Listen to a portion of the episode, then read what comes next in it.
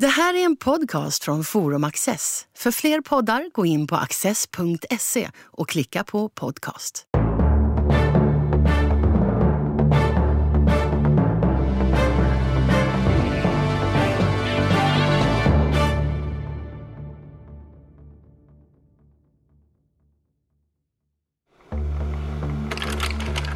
Vilgot Sjöman är mer bekant som filmregissör än som författare. Filmer som 491, Jag är nyfiken gul och Jag är nyfiken blå hade en politisk sprängkraft och väckte reaktioner och debatt i sällsynt omfattning. Men Vilgot Sjöman kom från litteraturen och en slut och höjdpunkt i hans konstnärskap blev en svit självbiografiska böcker som aldrig har fått det erkännande som de borde ha fått. Anders Åberg, universitetslektor vid Linnéuniversitetet, skrev sin doktorsavhandling om några av Vilgot Sjömans filmer från 1960-talet. Här i samtal med Peter Luttersson. Vilgot Sjöman började som skönlitterär författare men blev omsider filmregissör och är mer bekant som filmregissör än som skönlitterär författare. Ja, det stämmer. Han, eh, han, han, är, ju, han är ju världsberömd för sina nyfiket filmer, ja. så att säga. Men i Sverige så gjorde han ett rätt så hejdundrande genombrott just som författare med en, en roman som heter Lektorn. Den blev väldigt väl mottagen och eh, Sjöman var bara 24 år tror jag när den kom ut och den var, han betraktades närmast som ett litterärt underbarn. Eh, faktiskt. Genom sin förmåga. Han skildrade liksom inte bara på något sätt ungdomars problematik eller yngre människor utan han satte sig in i, i en äldre människas psyke på ett väldigt fint sätt tyckte de. Den var skriven som en kan man säga, en, ett svar på eh, Hets, du vet, mm. Alf Sjöbergs film som Ingmar Bergman hade skrivit manus till. Eh, där eh, Sjöman tyckte att det var ett lite för taskigt porträtt av den här eh, elaka Lärare. läraren som var så sadistisk. Vad är det han kallas? Caligula. Caligula kallas ja, han för. Spelas av Stig Järrel där. Ja. Så att det var, lektorn bland annat då hade som syfte att ge en, en inre bild av hur det kunde vara för en sån människa och vad det kunde bero på att han betedde sig illa mot sina studenter. och sådär. Det är sant att den fick ett gott mottagande men den fick ett dåligt mottagande av den som eh, Vilgot Sjöman räknade med mest, ja. nämligen Artur Lundqvist. Det stämmer. Att sen Sten Selander höjde den till skyarna räknades inte riktigt för Sjöman, även om jag tycker att Sten Selander kanske var en man med bättre omdöme än Artur Lundqvist. Den renderade honom också Svenska Dagbladets litteraturpris 1948. Men vi ska inte fördjupa oss i det. Däremot kan man säga att den, den hade en lite gripande bakgrund. Eh, Vilgot Sjöman kom från mycket enkla förhållanden. Han eh, kunde inte eh, gå på gymnasiet omedelbart efter att han hade tagit realen utan arbetade ett par år eh, emellan som simskollärare och konstapel på något fängelse och sådär. Eh, vilket gjorde att han var lite äldre än sina klasskamrater. Men eh, på Norra Latin där han gick hade man eh, en lärare som tipsade en inspektor, Gösta Forsell, om att det fanns en mycket begåvad elev som inte kom ifrån sociala förhållanden som gjorde att han skulle kunna studera vidare. Och då tar Forsell med Sjöman till sin gamla vän Ragnar Svanström på Norstedts och säger att det här är en mycket begåvad eh, kille. Om Norstedts kan tänka sig att bidra till att finansiera hans eh, eh, universitetsstudier så kommer ni få mycket glädje av honom som författare framöver. Och Svanström säger jo, jo, det kan vi väl göra. Och sen gör de två herrarna upp över huvudet på Sjöman om var han ska studera och vad han ska studera. Och sen så är det fixat. Han var nog eh, säkert mycket tacksam över detta, Sjöman. Eh, är man intresserad av det här, eh, så bortsett ifrån hans, de här personregisterböckerna då, som där han blickar tillbaka på sin ja, människa han mött och sitt eget liv och sådär. Så kan man nog läsa, tror jag, hans Linus-svit. Mm. Eh, som börjar med Linus och Blenda som eh, ganska mycket en självbiografisk nyckelroman. Alltså. Så där får man rätt så mycket av konturerna av hans barndom och ungdomstid och den, den bakgrund du beskriver där, fast i litterär form. Han, eh, han hade något av en revanschist över sig från början, tycker jag, Sjöman. Alltså redan tidigt, redan när han börjar i, eh, på Norra Latin, så mm. har han med sig att det här är någonting han har, han har vunnit och med lite tur här som du beskriver eh, fått till sig eh, mot alla odds, mot sin klassbakgrunds mm. bestämning. Och han blir väldigt aktiv. Han är lite mognare som du säger i åren än, än sina klasskamrater. Det går många andra litterära stjärnor här på gymnasiet vid ungefär samma tid. Gösta Osvald, Lars Forssell till exempel. Gösta Osvald var klasskamrat och Lars Forssell gick året, under, året efter. Ja. ja, jag tror det. Tror det. Eh, och eh, de, de samlas då i en litterär förening som heter Concordia. Mm. Och där är eh, Vilgot Sjöman eh, lite steget före de andra kan man säga som, som skolans litterära gigant, inte minst genom sin stora produktivitet. Han fick vid något tillfälle nästan alla litterära priser som Concordia delade ut det året, utom första priset. Så därför fick han ett extra andra pris som låg mellan första och andra pris för att han fick så många första priser i andra klasser. Mm. Och han spelade skolteater. Eh, satte upp någon pjäs av Saroyan där både Forsell och Gösta Osvald medverkade i olika roller. Precis. Och 1942 eh, eh, Eh, så satte de upp En midsommarnattsdröm med Ingmar Bergman som regissör. Och det var ju en, eh, en eh, det var ju ett viktigt möte för Vilgot Sjöman, för då lärde Ingmar Bergman och Vilgot Sjöman att känna varandra under den produktionen. I de där som du nämnde, ett personregister, hans fyra eh, memoardelar, där, den sista, där tre heter ett personregister och den fjärde heter Facit. Eh, det, det är ju skrivet i efterhand förstås. Och han skriver utifrån minnesbilder och så har han en lite omständlig eh, efterkontroll genom att eh, prata med dem han skriver om eh, och se om deras minnesbilder överensstämmer med hans egna och så. Jag tycker de där böckerna är lysande och det är det som intresserar mig som litteratur av eh, Vilgot Sjöman. Det är de fyra böckerna helt enkelt. Han, han tillhör de stora svenska memoarförfattarna i, i mina ögon. Ja. Men där, där, skriver han ju om det där mötet med Ingemar Bergman och när han spelar Tesevs i den här Shakespeare-pjäsen. Och, och eh, relationen till Bergman är från början att, som han beskriver det, att eh, alla kamraterna är så intagna av Bergman eller så respektfulla, undergivna, behärskade av Bergman. Bergmans förmåga att, eh, att, att också behärska dem. Så. Ehm, det där eh, går ju igen sen i relationen mellan Sjöman och Bergman genom alla år. Eh, Sjöman är på något sätt undergiven mot Bergman, vilket också gör att han har ett behov sticka till honom då mm. när han kan. Ganska tidigt så, så kommer det här fram på lite olika sätt. Alltså Sjöman tar upp det här själv på olika sätt rätt så tidigt i sitt författarskap och i sitt filmarskap.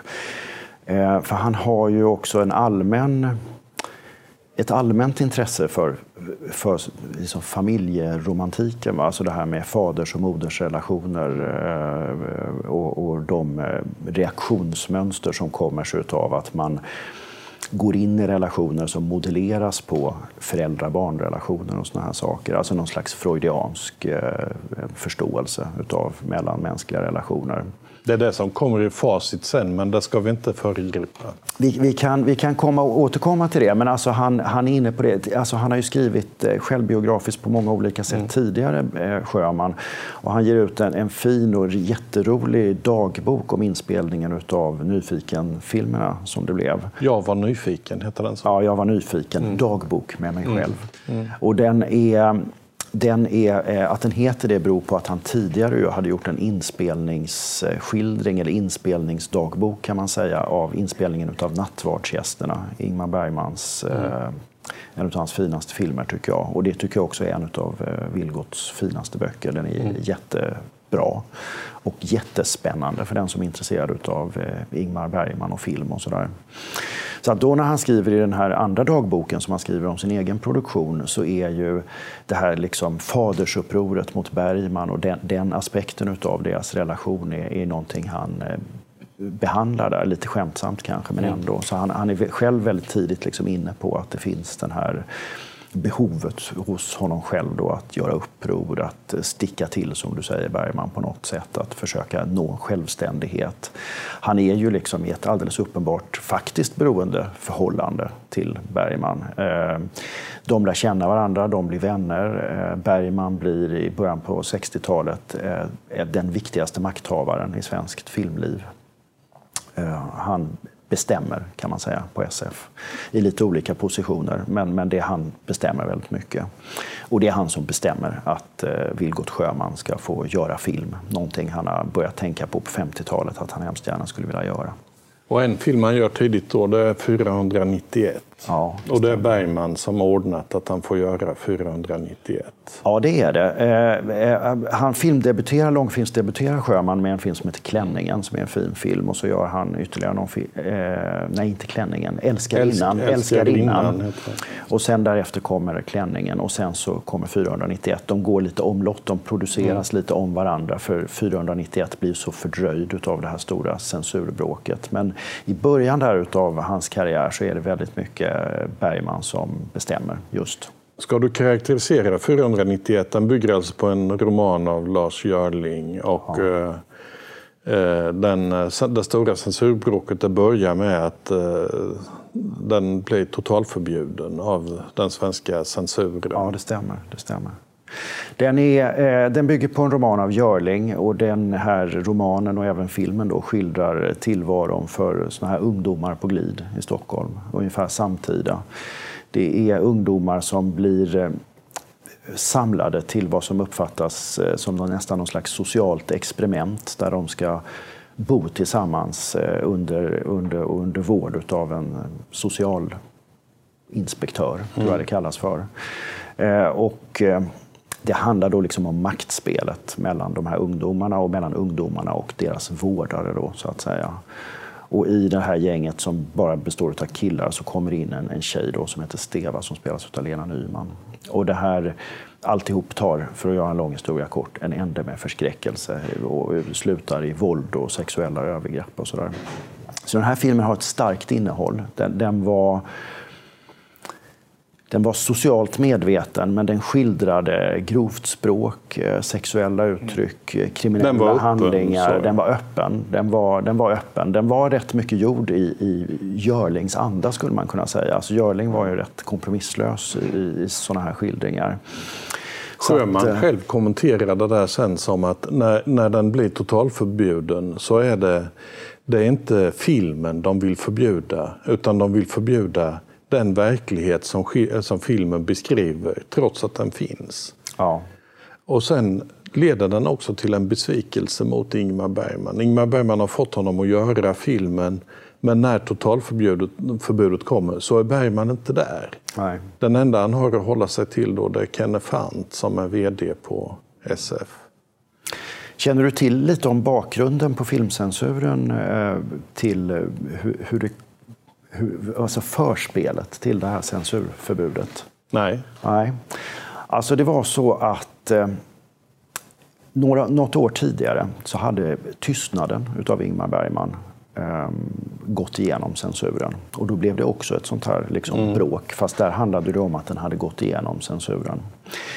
Eh, och det där var, var lite av en kupp iscensatt av Ingmar Bergman och Harry Schein. Därför att det fanns någonting som hette Filmgranskningsrådet sen ja, några år tillbaka. Och det filmgranskningsrådet fick en ny instruktion 1963 och nya ledamöter. Och där var instruktionen att de särskilt skulle beakta eh, filmer av konstnärligt värde och att Filmgranskningsrådet var tvunget att bli hörda om det var, skulle göras klipp i filmer som hade ja, konstnärligt värde eller som kunde förmodas få konstnärlig betydelse. Alltså typ Ingmar Bergman-filmer och liknande. Mm. Och detta skedde då precis innan tystnaden lämnades in. Och den lämnades in, censurchefen Erik Skoglund var på semester när det här hände. Och eh, Filmgranskningsrådet sa att det här är en lysande film, ni får inte klippa i den. Och censurerna lydde då eh, rådets eh, eh råd. Och eh, Skoglund blev alldeles vansinnig och kände liksom att eh, filmcensuren eller biografbyrån då hade körts över lite grann utifrån av Harry Schein. Men ligger det underförstått i detta att Schein och Bergman räknade med att det skulle bli problem med Sjömans Alltså de måste ha vetat om det i alla fall. Sjöman verkar inte riktigt ha tänkt på detta själv. För i, i sina Men det, de här böckerna, var... han, han beskriver ju inte all, den bakgrunden tecknar ju inte alls, utan Nej. bara det att Bergman inte var ja. där att när den blir totalförbjuden så är det Kenneth Fant som man har att lita på. För Kenneth Fant hittar på det där att ja. föreslå regeringen utvägen att eh, vi klipper lite i en scen och så tonar vi ner ljudet. Ja, just det. Det var, det var en, några mindre ingrepp man mm. gjorde till slut. Det blev en kompromiss kan mm. man säga. Från eh, föreslagna ganska stora ingrepp som filmcensuren ville göra till att man hamnade i någonting som ingen egentligen var riktigt nöjd med när det gällde den färdiga versionen. Sjöman som ju ofta, var, var som ändå... ofta är de bästa lösningarna på alla problem. Att ingen är riktigt nöjd. Ja, man kan ju fråga sig det. Mm. Kanske. Men Sjöman tyckte i alla fall att även om det inte blev så stora klipp som eh, hade föreslagits från början eller som hade bestämts från början så blev det ändå inte den version han hade tänkt sig och han kände sig eh, kränkt i sin konstnärliga frihet och uttrycksfrihet och han kände sig sviken av både Bergman som inte stod upp för honom riktigt och höll honom i handen när det blåste och också utav eh, ja, Sverige regeringen, mm. de som hade bestämt detta och inte gått på, på så att säga, det som han tyckte var den enda rimliga linjen. Jag tror inte att man gjorde naturligtvis eh, 491 på ren spekulation för att testa detta igen, men det här var en period där just de här gränserna för filmens uttrycksfrihet testades flera gånger. Så att man, man var alltid medveten om att man tryckte på de gränserna. Och man borde ha förstått, men jag tror inte Sjöman riktigt var införstådd med, att nu stod censuren och Skoglund, chefen, rustade till tänderna för att liksom göra ett principfall av nästa, stor, alltså nästa kontroversiella mm. film som kom och det var 491. Sen refuserar Kenneth Fant den här Syskonbädd. Det finns ju en tidelagscen i 491. Mm. Nu ville eh, Vilgot Sjöman göra en en film om incest. Mm. Eh, men istället blir det, och den görs ju, men sen omsider blir det blir det då Nyfiken-filmerna. Det är ju egentligen en film som blev för lång och, och därför blev två. Ja, precis, precis. Ehm, och där medverkar eh, Olof Palme. Och den bakgrund till den medverkan som Sjöman tecknade är ju att regeringen hade fått fatta beslut och köra över censuren genom att själv eh, i samlad trupp gå och titta på filmen eh, och godkänna den här Kenneth modell med smärre ingrepp vilket de gör. Men Palme tycker inte om att ha varit eh, censurofficer. Sådär. Mm. Därför ställer han upp i eh, Sjömans film som är, där idén är egentligen att sätta ihop en konstellation, låta kameran gå, blanda politik och sex. Mm. Men då hör den här sluge Harry Schein av sig igen och säger till Sjöman, därför att nu ska det läggas någon proposition om att censuren ska avskaffas att um, uh, du har ju inte skrivit något avtal med Palme så att uh, det finns ju inget kontrakt på hans medverkan och nu skulle det vara väldigt olyckligt att få en sån där 491-strid igen. Aha. Så att um, den där filmen eh, ska nog inte visas. Men eh, Palme inser ju att om Sjöman gör detta offentligt så skulle ju Palme framstå som ännu mer censurofficer än någonsin. Och därför rullar filmen igenom. Ja, det, det, det, tror jag stämmer. Alltså jag känner inte till riktigt det här med Scheins eh, påtryckningar, men jag tror att det stämmer. Och det, det, det, är en riktig bedömning tror jag också, som Palme gör. Därför att också i den anda som den här filmen är gjord så hade Sjöman byggt in det i filmen. Ett tecken på hur nyfiken-filmerna, som jag tycker framförallt är, de är så enormt bra som eh, beskrivning av en tidsanda, en stämning. Det här att det vimsar omkring två personer och frågar tycker du att Sverige är ett klassamhälle? Det fungerar perfekt. Ja, det det. Sexscenerna är ju liksom eh, däremot helt ointressanta. Ja. Eh, men Rob De Niros genombrottsfilm Taxi Driver, där går ju den här taxiföraren med en flickvän eller potentiell flickvän för att titta på en film och väljer då eh, jag är nyfiken gul. Och hon reser sig förfärad och går ut.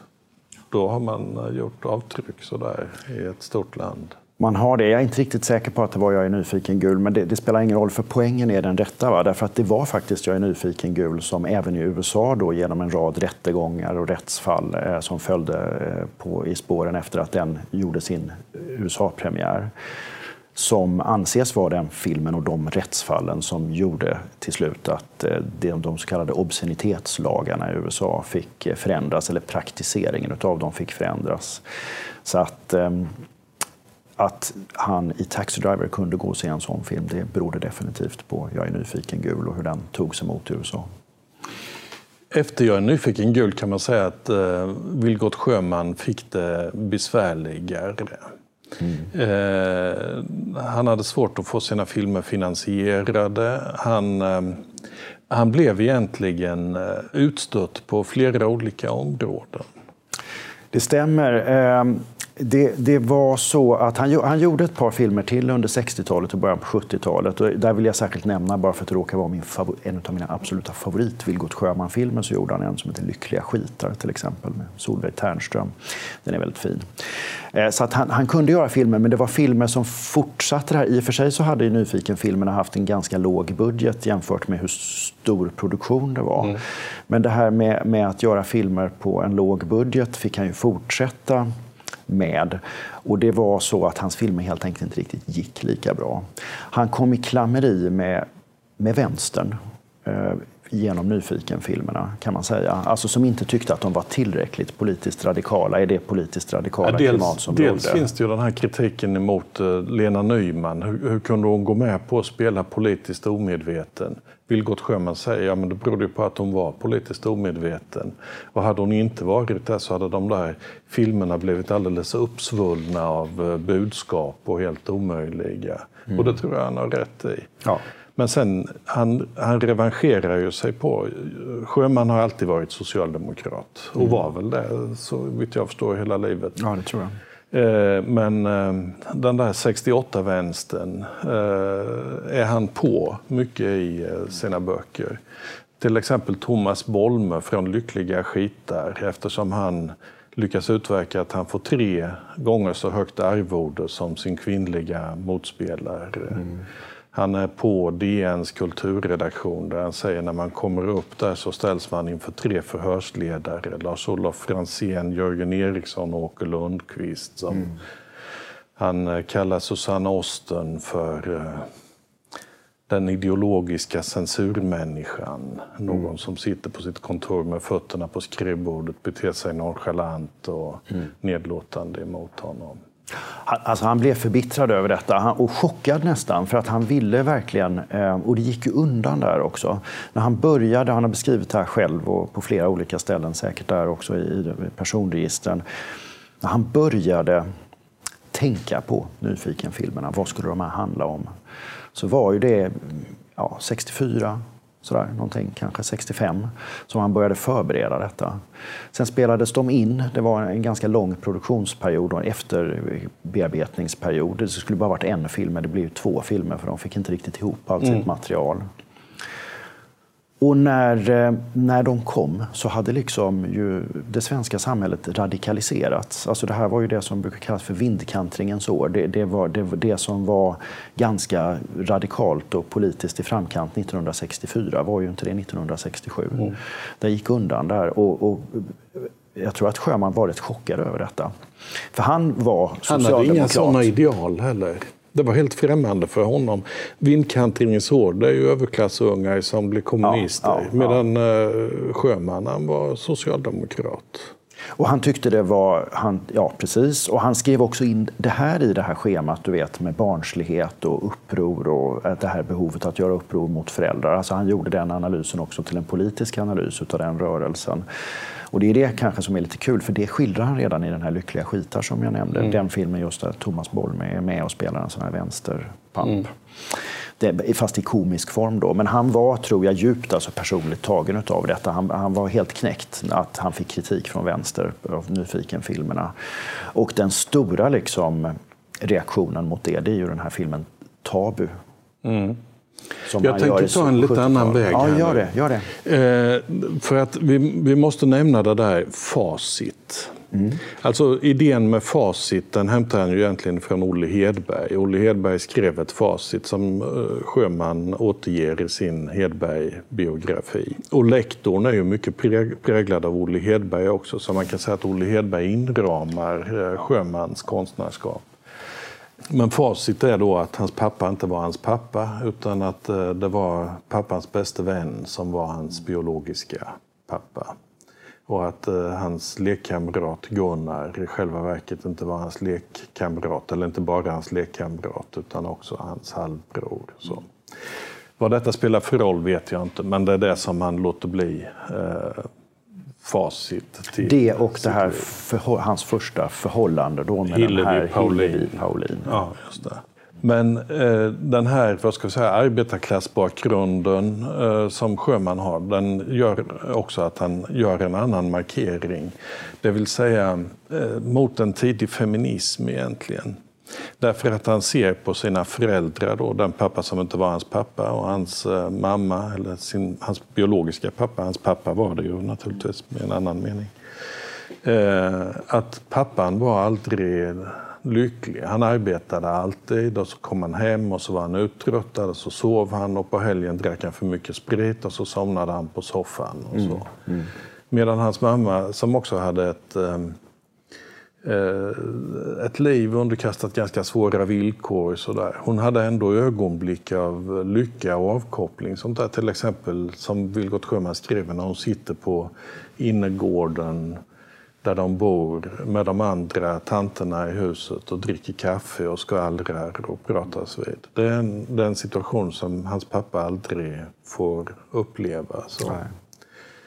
Det där refererade jag när jag recenserade boken i uh, Svenska Dagbladet uh, och möttes då med stormande protester just av den där typen av vänsterkvinnor från Eh, högre sociala skikt som eh, tyckte det var skandal att man beskrev detta som, som Vilgot Sjöman gjorde. Mm. Han... Eh, du menar att han var emot en sorts feminism? Eller hur menar du? Nej, inte Nej, mot, jo, han var emot en sorts feminism. Han, han, han, han var emot att feminismen hade tagits om hand av högre medelklass och överklass ja, för att ja, gynna karriärer för Eh, sån Susanne Osten-sorten av eh, ja, personer jo, som han tecknar förstår, henne. Eh, och att man är blind för en annan dimension i samhället, klassdimensionen, som är väldigt ja. viktig för... Klassdimensionen var ju väldigt viktig för Sjöman och han var ju Hans förhållande till hans mamma eh, skildrar han ju väldigt fint. Mm. De verkar ha ett nära förhållande. Det var henne han kunde prata med om, om det som de kunde prata om. Han, var ju, han klandrade ju henne för att hon hade hållit det här hemligt så länge, det här mm. faderskapsförhållandet. Han hade en svårare relation med sin, sin pappa som var snäll men som han eh, på något sätt eh, hade svårt att få kontakt med. Ja, som var stum på något sätt stum, genom sina stum, omständigheter. Stum, så. Ja. så att han var ju närmare mamman. Och han är ju en kvinnoskildrare, tycker jag. Eller han skildrar kvinnors belägenhet på ett bra sätt. Mm. Eh, Vilgot Sjöman, och han är känslig eh, för det.